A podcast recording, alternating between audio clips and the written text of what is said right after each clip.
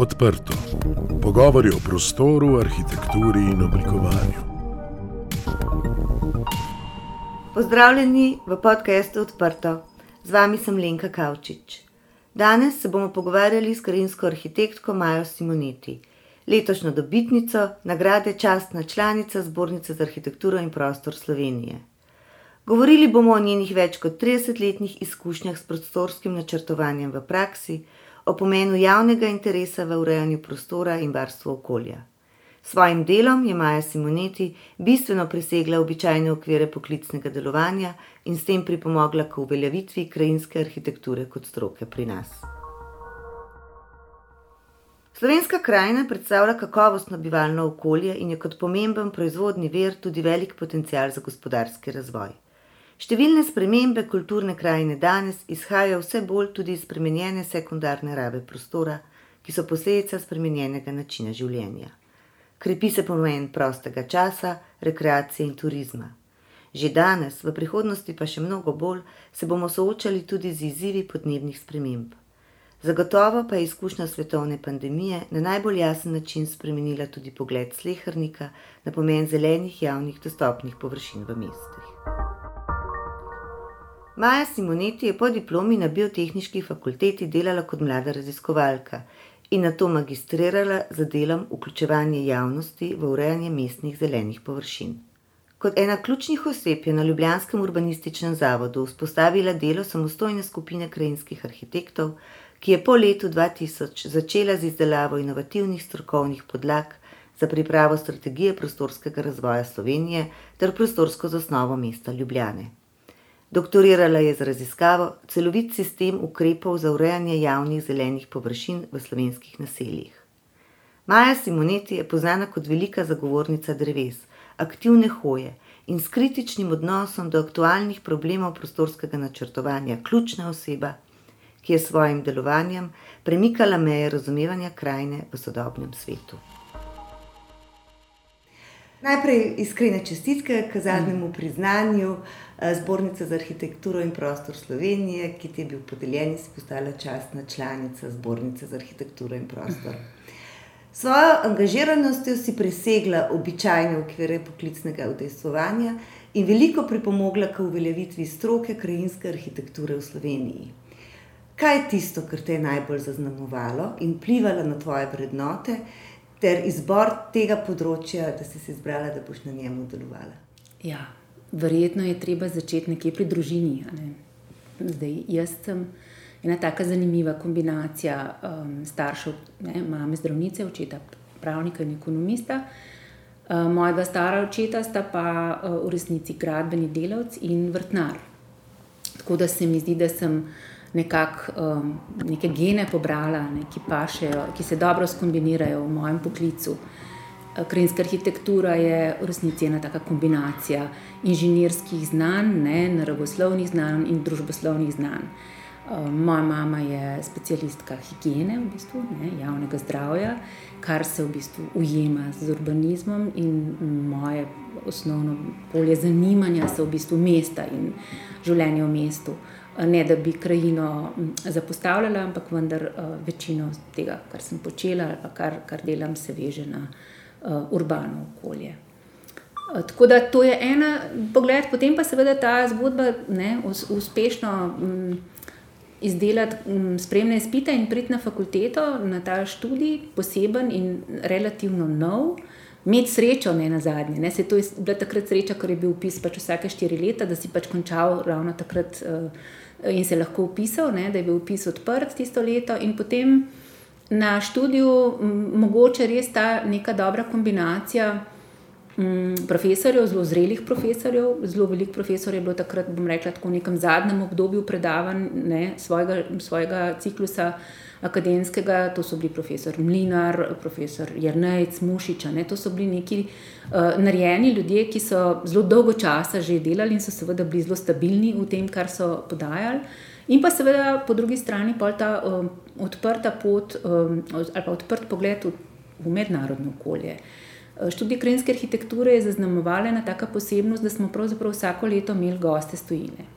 In to ne eno predavanje ali pa nekaj kratkega, ampak seminarske nastope. Ne. Se pravi, da je nekdo prišel, ki je bil ukrajinski arhitekt iz nekje iz Evrope, tudi iz Amerike, in je z nami en seminar oddelal. To je pomenilo en tak, um, eno, en, tak en, en pogled v, v svet, ne, v tistih časih, to, to so bile vse 80-ta, uh, ki te je potem trajno zaznamoval, ne, ki, ki ti je dal vedeti, da je svet večji kot tvoj tvoje okolje in um, da lahko misliš širše, kot je naprimer, možno bilo misliti takrat, ko smo še študirali. Potem sem pa seveda imela še eno tako posebno srečo, da sem, ko sem končala, smo hkrati končale tri kolegice, ena se je tako odpravila v Združene države. Uh, dve pa smo pač čakali tukaj, kaj se bo zgodilo z nami, s poklicem, ki ga pravzaprav nihče ni poznal. Ne, Pred nami je ena generacija kolegov, nekako uh, že zasedla sicer neka delovna mesta, ampak ni bilo to res razširjeno takrat biti krajinski arhitekt. In potem uh, se je pojavila možnost, da grem delati na Ljubljanski urbanistični zavod, in seveda sem to možnost sprejela. Uh, tam sem potem imela veliko srečo. Moj, moj tak, duhovni mentor tam je bil Mitja Jrnec, in pa seveda druga pomembna oseba tam je bila Breda Mihelič. To sta bila dva človeka, ki sta bila eh, seveda zelo poglobljena, poznavalca in raziskovalca urbanistične stvarnosti in zelo prijetna človeka, zelo dobra človeka, ki nista imela nobenih uh, ovir pri tem, da bi nekoga, ki je šele na začetku poti, ne uvedla v vse, bom rekla, sladkosti in uh, detajle strokovnega življenja. In ja, jaz sem prvih dve, tri leta z njima zelo tesno um, delala in se pustila pomagati. In se mi zdi, da se mi je to uh, izrazito poznalo potem, kasneje. Ne bi smela, seveda, pozabiti tudi drugih kolegov v ta moment, ampak seveda najbolj pomembni so tisti, ki jih najbolj nekako visoko gledaš in te najbolj očarajo zaradi uh, posebnih uh, znanj in izstopanja, bi rekla. Mitja je bil sploh ne, že profesor na fakulteti, predvsem pa je bil tudi uh, izjemen, uh, bom rekla, poznavalec zgodovine. No, in, in to so bile in enkratne ekskurzije, pa tudi perfektni, bom rekla, taki mali, uh, čisto operativni napotki. Naprimer, od njega sem se naučila, da nikoli nikamor ne greš brez zvezka in da seveda ta zvezek je vedno en in isti, zato da si ga tisti, ki so s tabo na sestanku, zapomnijo. Potem, ko bo pač kaj narobe, ali pa bodo rekli, da nekaj ni tako, boš ti samo zvezek ven potegnila in rekel, in bodo že vedeli, da si jih dobila, se ti še niti prepirati ne bo treba. No, take stvari. To, to me je, bi rekla, zaznamovalo v, v osnovi.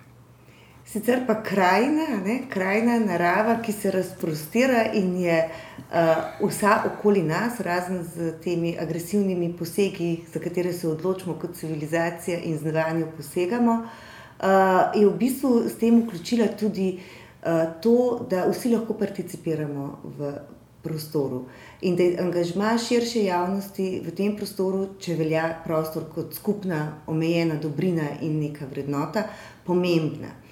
Participacija javnosti je zato mm. ena izmed osrednjih tem tvojega poklicnega delovanja. Mm. Na kakšen način lahko najširšo javnost vključimo v procese, ki se dogajajo v njihovem domačem okolju?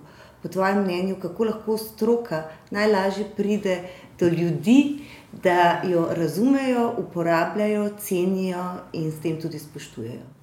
Ja, jaz mislim, da je najbolj pomembno to na kakšen način pravzaprav govorimo o tem, kar delamo, in na kakšen način govorimo z ljudmi o tem.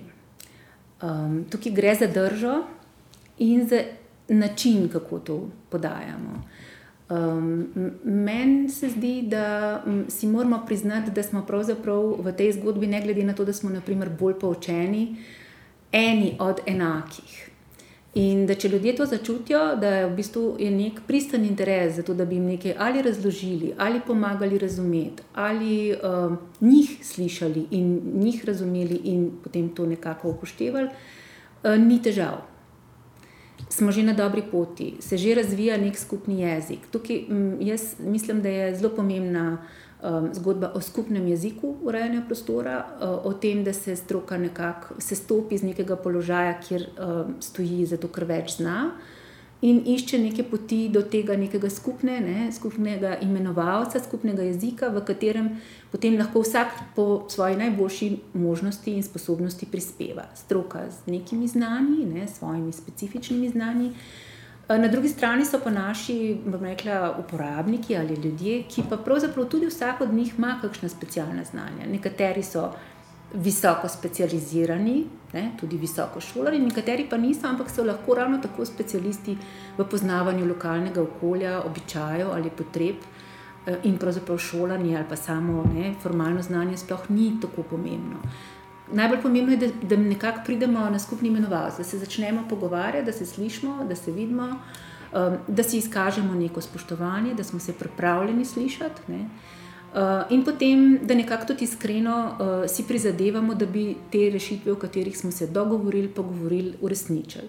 Eni in drugi, vsak po svoji poti. Uh, Meni se zdi to nekaj tako, po eni strani naravnega, po drugi strani pa uh, moje izkušnje kažejo, da deluje zelo dobro. V zelo različnih okoljih, v zelo različnih zgodbah, od bom rekla, zelo takih napetih in težkih, uh, pri velikih posegih, pri negativnih vplivih, ki so rekla, res, resnično obremenjujoči, in pri takih uh, bolj mehkih zgodbah, kjer pravzaprav ni tako črno-belih uh, rešitev, se skaže, da če si nekako, ne vem, kako se temu reče, ponižen ali pa skromen, ali pa skušaš biti ljudem blizu, uh, so rešitve dobre in lahko pridemo skupaj.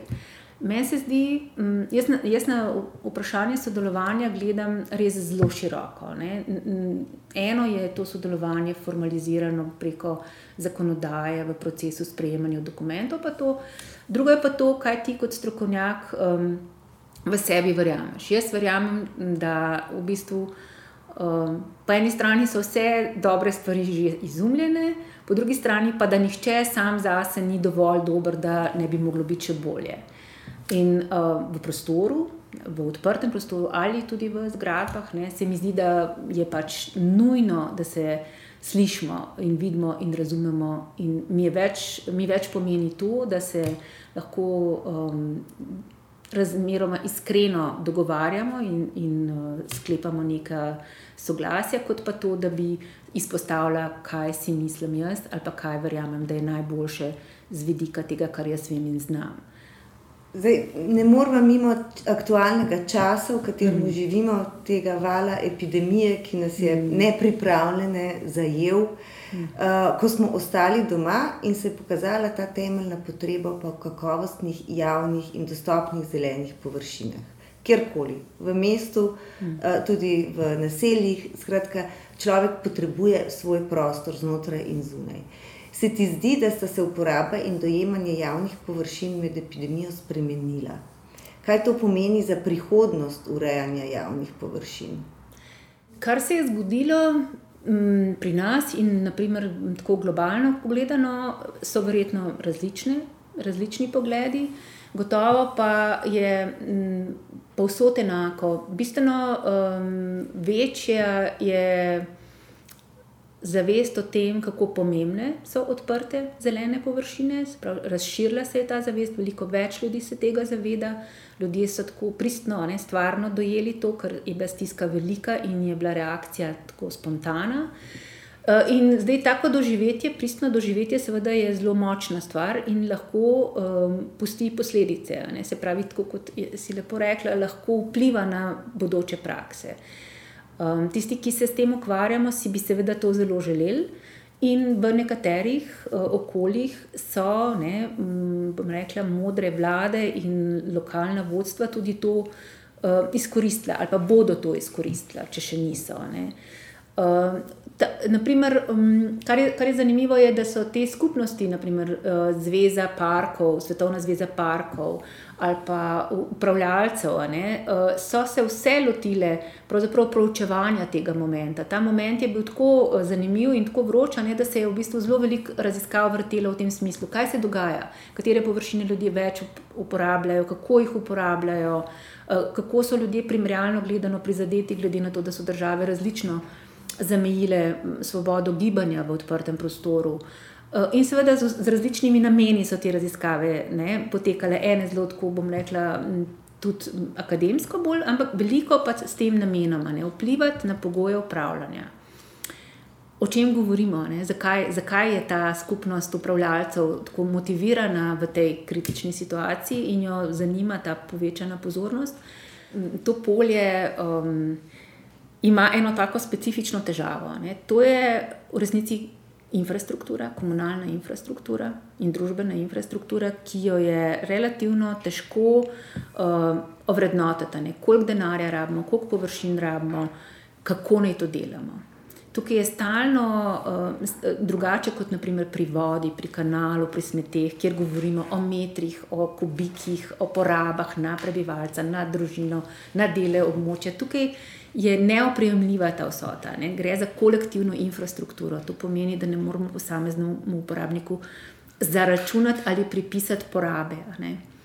To je zelo veliko breme pri načrtovanju sredstev. Ne. Tukaj se razsipa z denarjem, ali pa je denarja več, kadar je veliko blagostanje in to velja za politično uh, zaželeno, ker, ker so tukaj lahko hitri, lepi učinki, uh, se, se naredi prenova, se doda dodatna oprema, se hitro lahko, kot se reče, grdo reže trakove in pokaže, da smo bili uh, ne, dobri do ljudi, se pravi, dobra politika. -hmm. Hkrati pa, kadar pridejo časi suhih krav, lahko zelo preprosto malo denarja odzamemo. Pač izvedemo malo manj košen, malo manj obrazujemo, malo manj prenavljamo, in te površine so še vedno na razpolago, še vedno so uporabne, ta, ta infrastruktura še vedno deluje. Uh, in nismo ne, tako zelo prizadeli ljudi, da bi, nas, da, da bi nam nekdo učitelj, hkrati smo pa lahko zelo prizadeli dejavnost. Ne.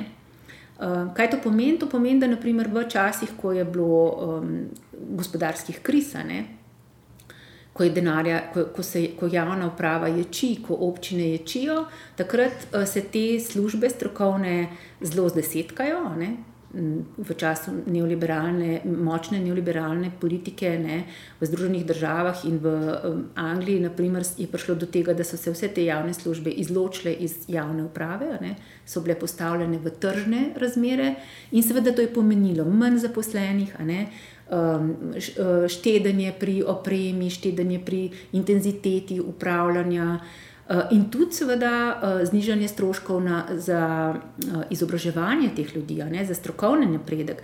To je pripeljalo nekje na prelomu tisočletja v Angliji do tega, da so imeli veliko akcijo, ne, Cape, ta um, enkratna organizacija, angliška za oblikovanje grajenega prostora, ne, nacionalna institucija, je um, zagnal kampanjo, kje so naše parkovne sile, ker ni bilo več vrtnarjev. Ne.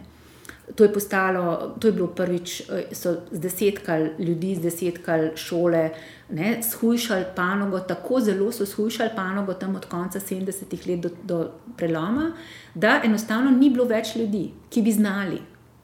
Ne, to je to, s čimer se mi soočamo, ko govorimo naprimer, o upravljanju dreves. Ne, ko ti enkrat dovolj shujšaš eno panogo, je njena esenca prizadeta in potem nimaš več znanja. Ko nimaš več znanja, imaš tukaj manjše in večje napake, itak imaš premalo denarja, itak nimaš preveč prostora, in potem, če še delaš napake, seveda dobiš bistveno slabšo infrastrukturo. Govorim, zato, rada govorim o infrastrukturi, ker se mi zdi pomembno, da to razumemo. Ne? In zdaj ta nesrečni čas z epidemijo, ki je pač uh, kot nalezljiva bolezen. Kot vse nalezljive, velike nalezljive bolezni, pravzaprav uh, v, v tem momentu javnega in odprtega prostora eh, nekako lažje obvladljiva. Ne?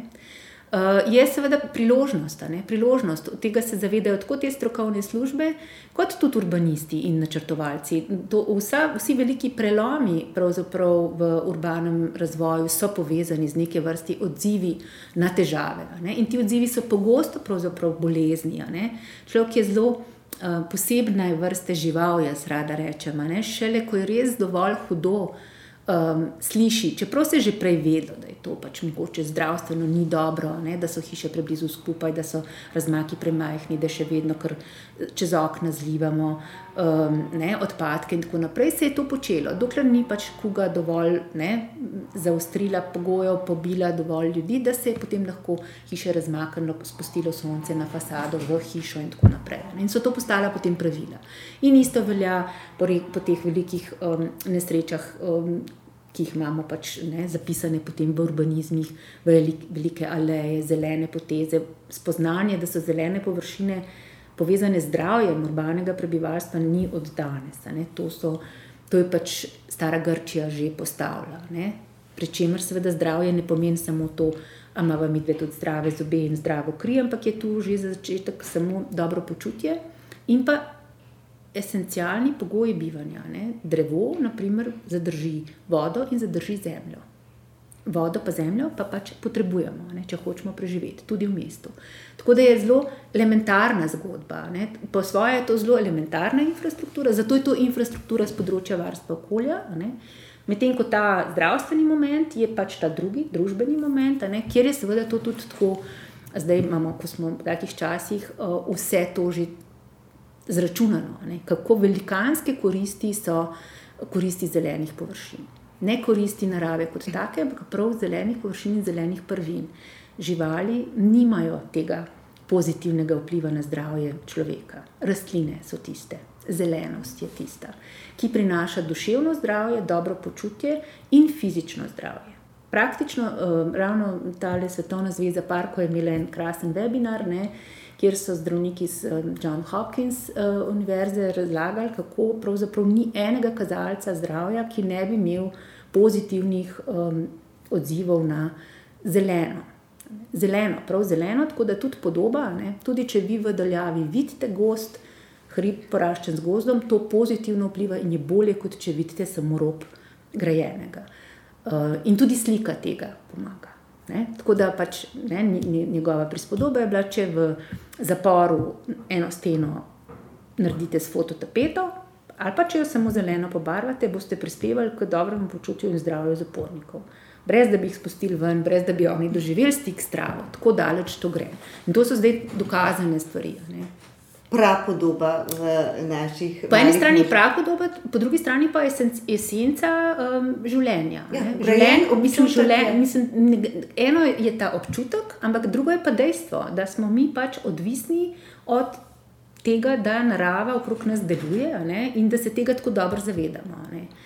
Uh, da brez, brez tega ne moramo živeti. Ne. Pač v grejenem prostoru tega, kar nam dajo rastline, ne moramo prenesti. Te, te vlage, tega, um, bom rekla, teh premenjav, temperaturnih in vsega tega, brez rastlin ne moremo človeku dati.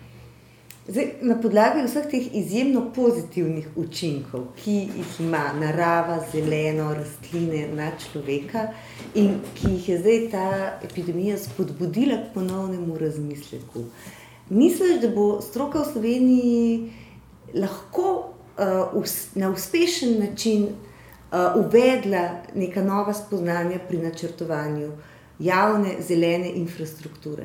Jaz mislim, da to, da za stroko tukaj sploh ni dileme. Jaz sem pripričana, da zdaj bo, da prihaja čas, ko bo um, ta interes se tako povečal in ta potreba se bo tako povečala, predvsem zdaj, Seveda, tukaj zdaj že govorim tudi o podnebnih spremembah, ne več o epidemiji, ne, pravi, v, v, o širšem stanju, na, kat, na katerega se moramo prilagoditi in odzvati, da bo to uh, zelo hitro napredovalo. To je, tako, to je taka stvar, da, da sploh ne bo dileme in, in tudi ni drugih možnosti, ne, kot da napredujemo, kar se tega tiče.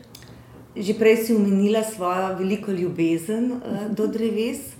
Eh, poznana si kot zagovornica dreves. Uh, že omenila si vse prednosti dreves, uh, ki jih imajo leta v mestih. Zanima pa me, kako vidiš, čigava odgovornost je skrb za nje in s kakšnimi težavami se srečujemo pri upravljanju. Uh, mogoče kakšen primer dobre prakse, od drevo živi danes boljš zaradi mhm. določenih ukrepov. Ta relacija med drevesom in površinami, zakaj je drevo zakaj, se, zakaj se nekdo pač tako um, krčevito bori za drevesa v mestih. Bi, se mi zdi, da je to fajn povedati. Ne? Tukaj gre za to, da je to prvina narave, pravi, ena, ena rastlina pooseblja naravo, ne? to je simbol narave in um, ima to um, dobro lastnost, ne? da pride zelo blizu človeku v mestu, zelo blizu stavbi in človeku, bistveno bliže kot površina, ne? ker seveda gre tudi v višino. In to je izjemno pomembno. Ne? Zelo visoko prinese ta, to dobro, dobro dejno delovanje človeku uh, in, to, uh, in, in tudi v zelo omejenem prostoru.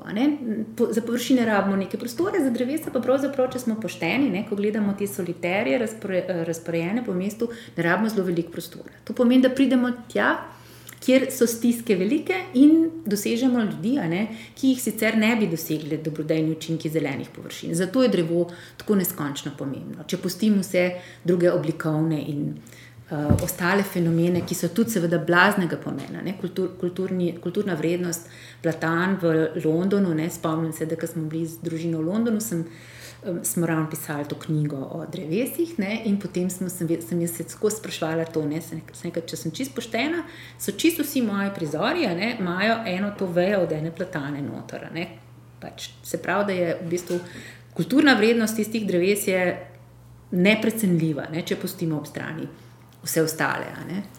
In zdaj, kaj je dobra praksa in kje so zadrege? Zadrege pri upravljanju z drevesi so tiste, ki smo jih že omenili, da v bistvu mi smo, tudi mi smo podobno, ne, sicer z velikim časovnim zamikom, ampak ko smo naredili novo državo, smo tudi mi to dejavnost ne, nekako porinili ven iz javne uprave in smo rekli, to je pa nekaj, ki je pa tako. Ne, to so gospodarske javne službe, to bo pa zdaj tako malce bolj tržno. Ne, to ne bomo zdaj kar neki delali na pamet, pa tako, kot smo dobri ljudje, ampak bomo malo pazili, kaj delamo z denarjem. In to se bo pa tako malo uredili, da ne bomo preveč zapravljali. To smo naredili tako, da smo skupaj z drugo infrastrukturo spravili ven iz, iz občinskih okvirjev, ne, v javna podjetja in v druge, druga razmerja, koncesije in tako naprej. Pri čemer smo pa naredili eno posebno stvar, ker je to tako nesrečna infrastruktura, ne, ki jo ne znamo zares zmeriti, s katero se ne znamo zares iti, smo kar mal pozabili napisati pogoje. Ne, kaj je ta infrastruktura, kako z njo upravljamo. Skratka, zakonodajalec ni nikoli napisal podzakonskih predpisov, ki jih je za druga področja napisal. Mi smo zdaj v teh letih, od leta 1992 do danes, prišli tako daleč, da je lansko leto, oziroma letos je to bilo, zdaj sem že preskakujem. Računsko sodišče celo sklenilo, ne, da ko je revidiralo gospodarske javne službe, te javne službe sploh ne bo revidiralo, ker ne ve, kje je prijetane. Medtem ko so se vse druge infrastrukture do skrajnosti uh, digitalizirale, evidentirale, zmerile, poenotile, ne? in se zdaj pač neki lahko gremo od gor dol, vsi vse vidimo. In tako smo tle, kot čistko ena žaba na suhem in se debelo gledamo in to, kar spustimo. In zdaj imamo eno. Infrastrukturo, za katero nismo povedali, ne kako se z njo upravlja, ne kaj točno to je, ne kako spremljamo stanje, uh, Ne? Nekdo z njo upravlja, a rab imeti kakšno evidenco ali ne. In zdaj imamo situacijo, kjer pravzaprav vsak dela, kar zmore, zna in hoče. Ko sem jaz 2016 delala eno analizo tega, kaj počnejo slovenske občine, sem pogledala vseh 11 mestnih občin, kar ni čist slabo zelo, ker so zelo različno velike in je to kar fino možno potem, bom rekla, prenašati tudi na ostale. Razlike so zelo velike. Ne? To pomeni, da v nekih uh, strukturah, ki so bile tudi v, rekla, pred 30 leti, občine, močne občine, uh, so te strokovne službe popolnoma osahnile. To pomeni, da na občini je mogoče en človek, ki je za to zadolžen bil. Pričemer so na enih občinah bili ljudje, ki so bili zadolženi za en, en segment, pa pa en drug za enega, hkrati so pa bili zadolženi še za pet drugih, čisto z drugega področja predvsem otroške igrišča, naprimer, so ena taka stvar, ki kar tako malo lebdi.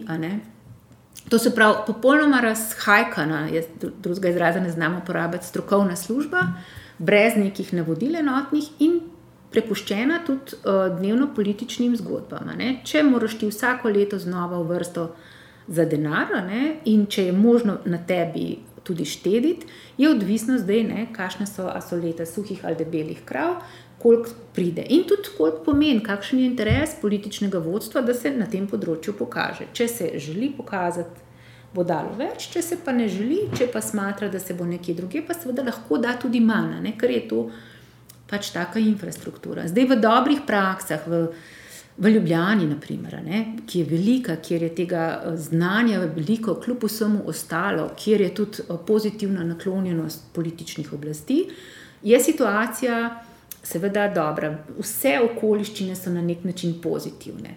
Takoj v, v kakšnem drugem, ravno tako velikem mestu, mestni občini, ne, že ni več tako, ker naprimer je.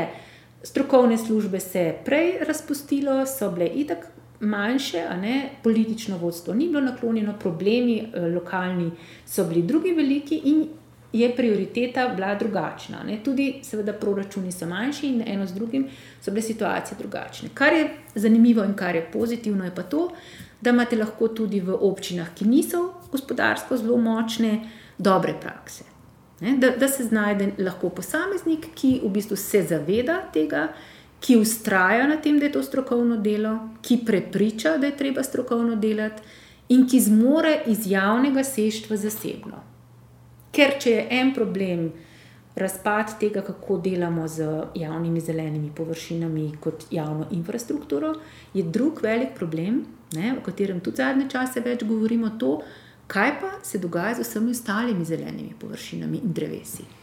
Ne, te če pogledate, če, če, če bi nam to pokazali, ne, katere površine so zdaj v tem javnem upravljanju, katere pa ne, ugotovimo, da to seveda pomeni, da zelo uh, omejene površine obvladujemo v javnem interesu. In da tisto, kar je v zasebni lasti, morda ni najbolje, da je v celoti prepuščeno lastniku in njegovemu znanju, neznanju, razpoloženju, denarju. Ne? Ker so koristi njegovega vrta, njegovega drevesa, pravzaprav bistveno večje kot pa samo tiste zasebne. Um, senka vrbica, spica vedno reče, da lastnina ima tudi družbeno in ekološko uh, funkcijo, ne samo uh, funkcijo lastnine in ekonomsko vrednost. Ne? In lastnik mora to tudi uh, razumeti. In v bistvu to lastniki tudi razumejo, sam treba je nastaviti um, dialog. Ja. Ampak to je največji problem. Trenutno imamo ta dva problema. Raz, razgrajene strokovne službe, pomankanje nekih standardov, mi nimamo kvalificiranega dela, predpisanega, se pravi, se ne pričakuje. Kvalifikacija arborist ni nacionalna kvalifikacija, to pomeni, da se ljudje, ki se želijo specializirati v mednarodnem okolju, uh, specializirajo, da licence v mednarodnem okolju obnavljajo in posodabljajo in širijo. In da so to pač posamezniki, ki so izredno motivirani, da to ni nekaj, kar je normalno. In hkrati imamo potem to veliko vprašanje, ki je seveda zelo kočljivo za našo družbo, še posebej, ker je mlada v smislu tega odnosa do lastnine, kako bomo začeli dialog z zasebnimi lastniki, kako jih bomo povabili v skupno upravljanje, v skupno dobro. Ker to je pač, eh, vsaj v vseh večjih naseljih, nujno potrebno, pa tudi v manjših. Govorimo o zaščiti pred poplavami, eh, govorimo o zaščiti pred velikimi vročinami, tega samo z javnimi drevesi ne bomo mogli narediti. Dotaknili ste se teh tudi ključnih elementov podnebne krize, v kateri se nahajamo. Ne? Temperatura v mestih se viša, deževna obdobja so krajša, vendar silovitejša. Eh, kaže se nujnost in potreba po zelenih površinah.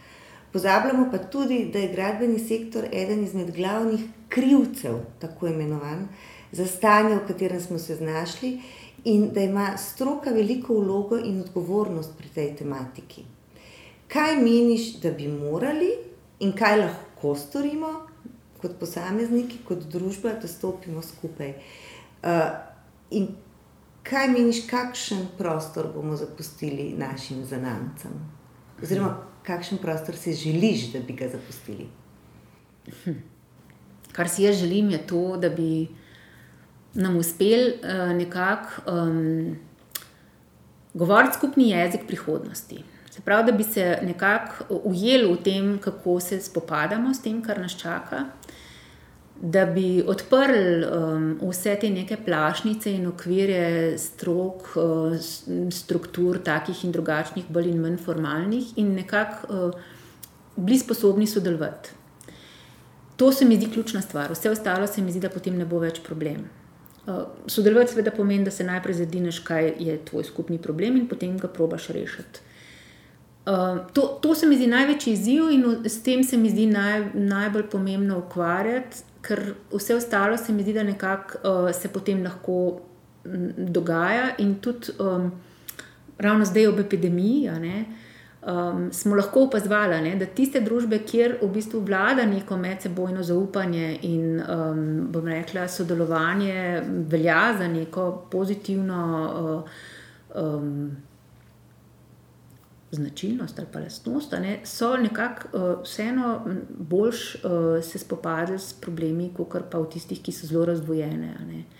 Ta razdvojenost, ta nesposobnost, um, naprimer, sodelovati zaradi kakršnih koli že razlikovanj, ne, se mi zdi največja nevarnost za prihodnost. Uh, same podnebne spremembe Kar se, drugač, kar se tega tiče, se mi tako zdi, ne, da na, zdaj, na našem področju, se pravi področje arhitekture, urbanizma, graditve, krajinske arhitekture in tako naprej, um, prenašajo zelo velike um, rekla, izzive. Kar, kar se meni zdi največja stvar za slovenski prostor, je ta, da po eni strani se bo zelo povečal pomen prostorskega načrtovanja. Kaj to pomeni? Ne? To ne pomeni, da bom, ne govorim na pamet, ne? to ne pomeni, kje bomo gradili. To pomeni, kje bomo gradili in kako bomo urejali prostor. Prostorski načrti so tisti, kjer govorimo o pravilih urejanja prostora, ne samo graditve. In zdaj to dobiva skozi večji pomen. In drugo, kar je v bistvu posebnost te dobe, je to, da sočasno dobiva vedno večji pomen, um, kako hitro smo v stanju reagirati in se odzvati na nek pojav. Prav, hkrati, ko govorimo o utrjevanju pomena ali pa ponovnem eh, večjem pomenu strateškega in prostorskega načrtovanja, govorimo o novem pomenu eh, ne, taktičnega urbanizma, ne, eh, odzivnega načrtovanja, hitrega ukrepanja. To je za načrtovalsko stroko, po mojem, krasen čas. Ne. Po eni strani postavljaš neke strukture, strateško gledaš in skušaš uh, reševati zadrege, ki se jih da tako z nekim gledanjem vnaprej reševati, in tam vem, preprečuješ najhujše možno. Po drugi strani pa svoje znanje uprežeš v to, da v nekih zatečenih situacijah rešuješ zadeve. To so, to so v bistvu. Um, V okoljih, kjer se pač glede tega lahko strinjajo zelo dobri pogoji za delo, in dela ne more zmanjkati. In uh, seveda, kakršno koli prerekanje okrog tega, ne, kdo bo kaj nadziral, kdo bo kaj sprojektiral, je seveda popolnoma neproduktivno in nesmiselno v danih okoliščinah, ker časa za to prerekanje preprosto ni več. Um, naša prva klimatologinja, Lučka Kajfeš Bogataj, vedno reče, um, podnebne spremembe so tukaj in ukrepati je treba začeti danes, in ukrepati mora začeti vsak od nas. In jaz tudi tako verjamem, zelo močno verjamem v to, in tudi uh, vem, da lahko vsak od nas uh, nekaj naredi za to. In mislim, da to je glavni izziv zdaj, da mi dojamemo, da pravzaprav tukaj imamo mi skupnega. Uh, skupni izziv, in ne, da v bistvu te naše drobnjakarske zgodbe, ne, kdo, kaj in kako, pravzaprav sploh niso pomembne. Za me je bolj pomembno, uh, naprimer, s kolegi arhitekti, uh, ustvariti nek dialog v tem smislu, da se um, to, kar oni znajo, oplodi z mojim znanjem in da pride do boljših rešitev, kot pa da bi se prerekala, kaj bo kdo sprojektiral ali pa naredil. Ne? Jaz sem letos poleti v enem nesrečnem primeru uh, enega tazga vabljenega natečaja ne, doživela to, kako, uh, kje, kako daleč smo še od tega, ne, da bi naprimer take zgodbe um, bom rekla, napredne, lahko razumela. Ne? Mi smo probali za rešitvijo, ki sliši na podnebne spremembe, biotsko pestrost, ne? um, bom rekla, avtohtono vegetacijo in tako naprej. Uh, premagala nas je rešitev, ki je absolutno, kar se mene tiče, predmoderna, ne? ki je. Uh, Čista, likovno izčiščena, ne, kjer na gladkih tlakih betonske posode držijo drevesa, uh, in ki bo strahovito draga, kar se tiče izvedbe, in bo tudi strahovito draga, kar se tiče delovanja. In je v popolni opreki z vsem, kar so cilji in trendi. Ne, letos, enkrat avgusta, nas je doletelo v Zapsovem klipingu sporočilo revije Življenje in tehnika, ne, moderni parki. Ne, v prispevku ni bilo enega modernega parka. Vsi, ki so tam našteti, so pravzaprav parki iz 20. stoletja, zastareli, um, tako kot si malo nakazala, ne, polni betona, nekih um, izčiščenih, zelenih, likovno perfektnih uh, stikov med betonom in, in moduliranim terenom, ne, ki nimajo nobene zveze z prihodnostjo, z vzdržnostjo in tem, kar si v bistvu predstavljamo kot parke 21. stoletja. Si avtorica nekih zanimivih zasnov in izvedb parkov in otroških igrišč. Pa mi povej, kakšen pa je modern, najsodobnejši park za 21. stoletje? V resnici nisem ničesar avtorica sama, sem pa imela srečo, ja, da sem bila soavtorica parih zanimivih uh, zgodb. Kakšen je modern park danes? Jaz mislim, da. Um, je predvsem um, ena zgodba, je zgodba, um, ki govori o tem, tudi mogoče je treba povedati najprej to, no, da gre za neko novo podobo. Ne.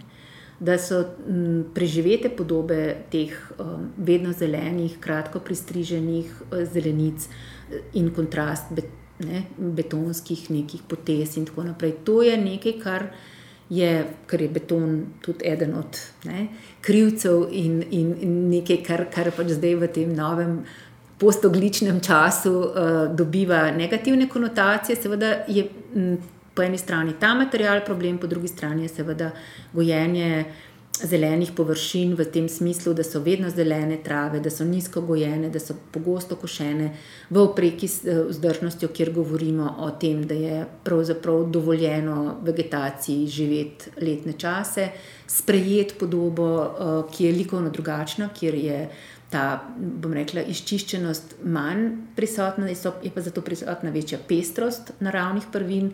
Eh, skratka, doživljamo jih v smislu tega, kako cvetijo, kako uh, semenijo in kako tudi uh, vem, venijo, če hočeš. Uh, trava, ki je posušena in uh, sredi avgusta je znak uh, odgovornosti in, uh, bom rekla, naprednega upravljanja, ne pa um, bom rekla, zapostavljanja ne, v, v nekih okoliščinah, kjer je 40 stopinj zunaj, to ni noben problem. In enako velja za visoke, ne, visoko zarasle zelenice, ki so redko košene, zato da vmes cvetijo in v bistvu semenijo in prispevajo k biotski pestrosti, k ohranjanju biotske pestrosti. Tako da novi, nov modern park je za začetek sigurno bistveno bolj. Uh, biotsko pester v smislu rabe rastlin, bistveno več je, uh, večji je razpon rabe rastlin od drevesnega preko grmovnega do uh, nekega uh, cvetličnega ali pa uh, sloja trajnic. Te, ta razpon mora biti tudi po tej, um, bom rekla, strukturi večji, zato da so se stoji bolj stabilni, da je naravnim prvinam lažje preživeti pod temi pogoji, pod katerimi v mestu delujejo. Uh, to je seveda bistveno bolj zanimivo, ne? se ne je za vzdrževati, uh, je pa zgleda pa drugače. In v uporabniški izkušnji je verjetno treba videti ne, uh, celotno populacijo, ne? bistveno bolj kot zdaj. Zdaj se zdi, tako, da so vse te nove ureditve, ki jih pri nas gledamo, narejene za. Eh, nekako to najbolj aktivno populacijo, se pravi družina, ne, vem, od 30 do 40 let stari, dva, tri otroci, tako neki kuški, kolesa. Tako, uh, ni tistih s čist mehkimi, ni tistih, ki so zelo stari, ni tistih, ki so na vozičku, ki so slepi, ki so slabo slišni, ki so tako in drugače omejeni. Uh, tako da tukaj še, imamo še veliko prostora. Ne. Govorim o tem, ne da jih projektanti ne vidijo. Govorimo o tem, da prostor kaže, da jih ne razumejo, ne? da so površine niso primerne, da bi se gibali, da so klopi neprimerne, da bi se usedli, da starejši ne morejo ostati, da parki nimajo javnih sanitarij, kar pomeni, da tam ne more biti ne starejših. Tistih, ki spremljajo otroke, ne tistih, ki so tako ali drugače, uh, bom rekla, ovirani in uh, imajo, naprimer, zaradi takih in drugačnih okoliščin večjo potrebo po pogostejši uporabi stranišča. Ne? Tako da pač tukaj je toliko enih. Eh, težav tukaj ne gre za nek moj, bom rekla, likovni popadek, gre za strukturne spremembe. Gre za to, kar pravzaprav mi, ki pač hodimo po parkih, že ne, pač vidimo drugota. Ne? Se pravi, ta parkovna infrastruktura, ki vidi celo paleto uporabnikov, ki vidi to, kar zdaj doživljamo, ta v bistvu množičen obisk, ne? ki zahteva, seveda zahteva, ker imaš ti enkrat toliko ljudi v enem parku, mora biti stranišče. Ne, ne moramo več. In tudi ne moramo vsi za prvo drevo na stranišče. Ne? Nekaj je treba narediti, jasno je, da je treba neko kavo ponuditi, pa neko vodo, ne? ker so pač tukaj, ne vem, sladkorni bolniki, ker je, ne, ker je nekdo primoran dobiti tisto za podzop ali pa tisto za popiti, in ker to tudi ne na zadnje stvar ugodja, ki ni normalno, da ga ne nudimo. Ne. Seveda to zahteva dodatno vzdrževanje, seveda to zahteva dodatno delo, ampak to delo se poplača v zdravju prebivalstva. Ne. In seveda likovne ureditve ali pa oblikovanje teh prostorov je bistveno bolj zahtevno. Um, posebej je zahtevno, če so rekla, pogoji taki, da je treba biti na tlakih, ki so peščeni, ki so porozni, ne, kjer je pač pol treba še več delati. Um, tako da tukaj, ja, tukaj so čist neke nove, se mi zdi, da so in strukturne spremembe, velike strukturne spremembe so na pohodu pri izbiri materijalov. Uh, pri nas je res um, zelo, um, bom rekla, žalostna izbira rastlinskega materijala. Eh, oblikovanje prostora z rastlinami, pri tem res nočem sploh o drevesih govoriti, ker drevesa smo nekako, se mi zdi, vzeli, kot se reče, je zelo slabo. Ne? Tega je zelo malo. In tudi potem, ko pride, če že pride do take ureditve, nimamo upravljalcev, ki bi to znali upravljati. Ker um, želimo pač te čiste podobe in te preproste ne, upravljalske naloge. Bomo postrigli živo mejo, bomo pokosili travo, bomo zalili tako nekako. Medtem ko je trajnica, ne, s tem, ko je treba porezati, čakati, eh, različno obravnavati rastline, že težava. Ne. Tako da tukaj, tukaj so velike zgodbe odprte uh, in ja, po svoje zanimiv čas, veliki izzivi, um, ampak ja, veliko še odprtega. No. Uh, res hvala za navdih in tudi za vse eh, razmisleke in ključne vprašanja, ki si jih postavlja, eh, ne samo eh, nam, ampak po mojem širši javnosti, da premislimo prihodnost, da premislimo naravo, naše sožitje z naravo v mestih mm. in s tem obogatimo našo prihodnost. Hvala, Maja. Ja, prosim, hvala tebi za zanimanje. Poslušali ste podcast Odprto, prvi slovenski podcast o arhitekturi, ki ga je pripravila ekipa OHS. Za akustično ugodje je skrbel studio Sonolab. Odprte hiše Slovenije se zauzemajo za dobro arhitekturo, ki je namenjena vsem ljudem. Prisluhnite nam vsakič, ko boste v prostoru želeli izvedeti več. Da smo lahko odprto spregovorili o prostoru, nam je svojo podporo omogočilo Ministrstvo za okolje in prostor.